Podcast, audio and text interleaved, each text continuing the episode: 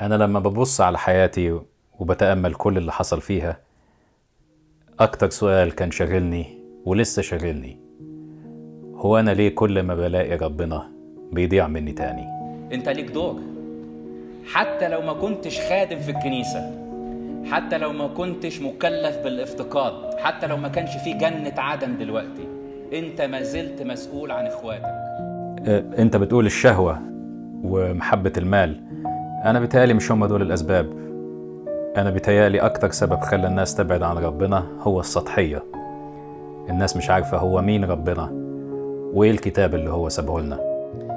في واحد يبقى في جو الخدمة يفضل كل اللي شغله منظره. بقاله عشر سنين وكل اللي شغله برضو بيقولوا عليا إيه وشكلي إيه ودرسي إيه. يعني طب ابتديت بسطحية واخد بس وش الخدمة من بره. طب ما دخلتش للعمق مع كل السنين دي.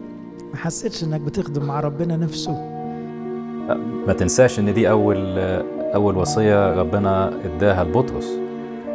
ولا قال له صلي ولا قال له اطلب آه، ولا قال له حتى اسمع الوعظة اللي أنا بديها للناس.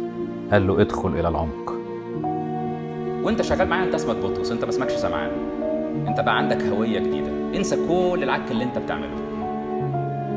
أنا تامر لبيب ودي دي سلسلة أدخل إلى العمق.